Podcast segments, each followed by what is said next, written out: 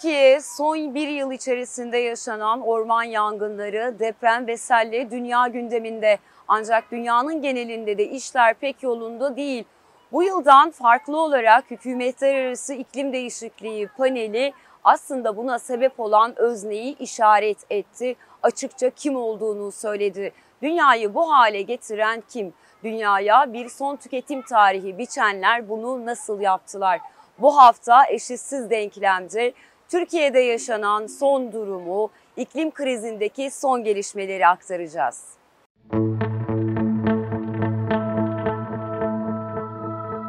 Türkiye, üç tarafı denizlerle çevrili medeniyetler beşiği.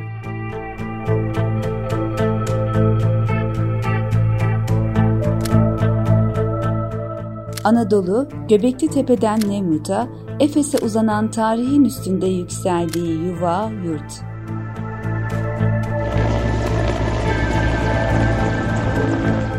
Ama Anadolu son yıllarda başka bir gerçekle dünyanın gündeminde. Felaketler.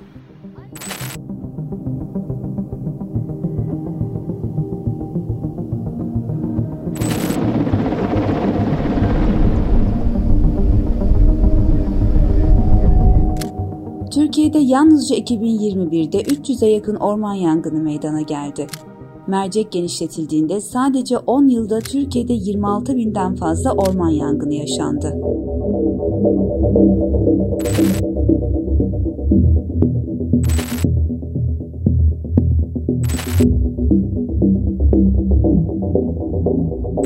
Düştüğü yeri yaşanmaz kılan bir felaket daha var. Sel. İzmir, Kastamonu, Sinop ve Van'da yağmur suları önüne ne gelirse sürükledi. Listeyi uzatmak da mümkün. Van'da sel suları ölümle yaşam arasındaki ince çizgiyi hatırlatırken bir başka yerde suyun nefesi kesildi. Marmara Denizi'nde müsilaj.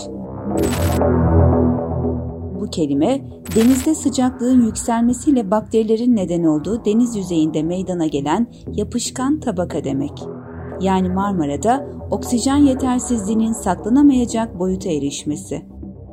Çevresindeki aşırı faaliyet, kirlilik, bitki örtüsünün tahribatıyla deniz içinde yaşayan canlıları havasız bırakan bir kapalı akvaryuma dönüyor.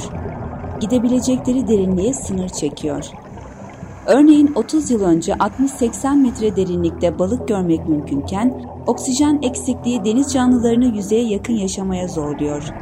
Balıklar artık 25 metre derinlik sınırında görülüyor.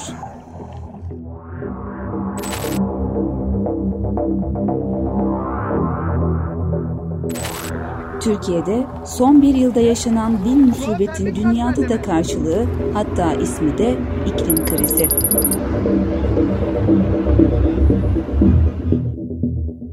Dünyanın miadının dolmasının takvime bağlanmasını Birleşmiş Milletler Genel Sekreteri Antonio Guterres, uçurumun kenarındayız diyerek özetliyor.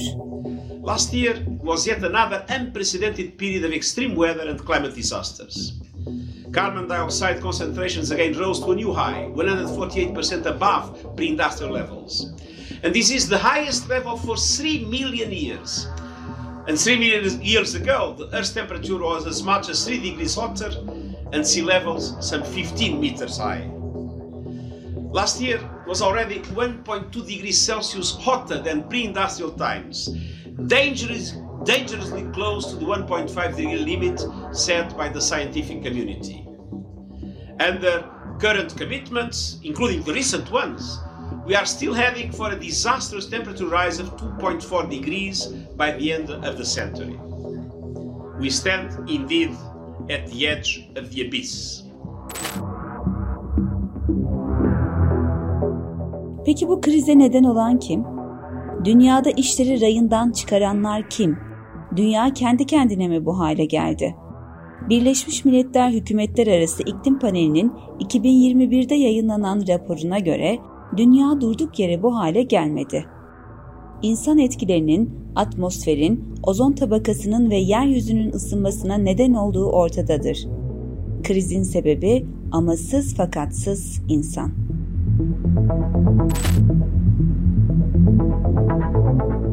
Raporda can yakıcı bir gerçek daha var. Artık önlem alsak bile sıcaklığın sanayi öncesi döneme göre 1,5 derece artması engellenemeyecek. Yani bugün tüm emisyon değerlerini sıfırlasak dahi çabamız felaketi durdurmaya yetmeyecek.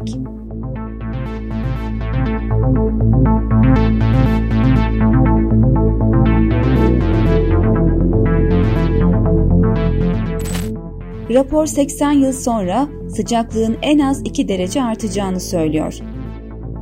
Su kaynaklarının kuruması, orman yangınları, buzul erimesi, su seviyesinde yükselme, milyonlarca canlının ölümü ve yok olan biyoçeşitlilik. Başka bir anlatımda kıyamet.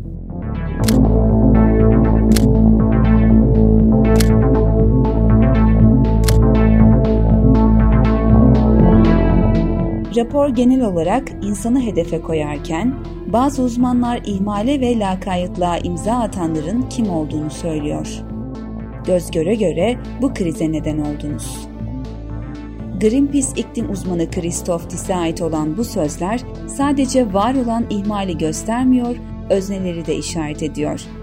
Tiss, son yaşanan yangınlar, seller sizi harekete geçirmiyorsa ne geçirecek diyor. TİS'in bu isyanına hükümetlerin, şirketlerin yanıtlarını zaman gösterecek. Rapor aynı zamana alınacak önlemler için yol haritası da sunuyor. Guterres yol haritasını şöyle özetliyor. Bu rapor gezegenimizi yok etmeden önce kömür ve fosil yakıtlar için ölüm çanı olmalı. 2021'den sonra yeni kömür santralleri kurulmamalı Ekonomik İşbirliği ve Kalkınma Örgütü ülkeleri kömürü 2030'a kadar aşamalı olarak hayatlarından çıkarmalı. Diğerleri de 2040'a kadar bunu takip etmeli. Ülkeler ayrıca tüm yeni fosil yakıt arama ve üretimine son vermeli ve fosil yakıt sübvansiyonlarını yenilenebilir enerjiye kaydırmalı. 2030'a kadar güneş ve rüzgar kapasitesi 4 katına çıkmalı ve 100 yılın ortasına kadar sıfır karbon hedefi için yenilenebilir enerji yatırımları 3 katına çıkmalı. Guterres'in henüz açıklamasının mürekkebi kurumamışken, dünyanın önde gelen 60 bankasının son 5 yılda fosil endüstrisine 4 trilyon dolara yakın kredi verdiği ortaya çıktı ve enerji şirketlerinin faaliyetlerine hiç ara vermediği. İklim uzmanları, uluslararası kuruluşlar, kurulu düzenin rant ve kar çarklarına karşı başka bir yol öneriyor. Belli ki bu konuda karar vericiler onlara katılmıyor. Hem Türkiye gerçekliği hem de dünyada yaşananlar açıkça gösteriyor ki geçmiş yıllara göre pek de iyi durumda değiliz bir buçukluk sıcaklık derecesini aşıp aşmayacağımıza dönük belirgin kaygı gün geçtikçe artıyor. Peki Türkiye bu süreçte enerji politikasını nasıl dizayn ediyor?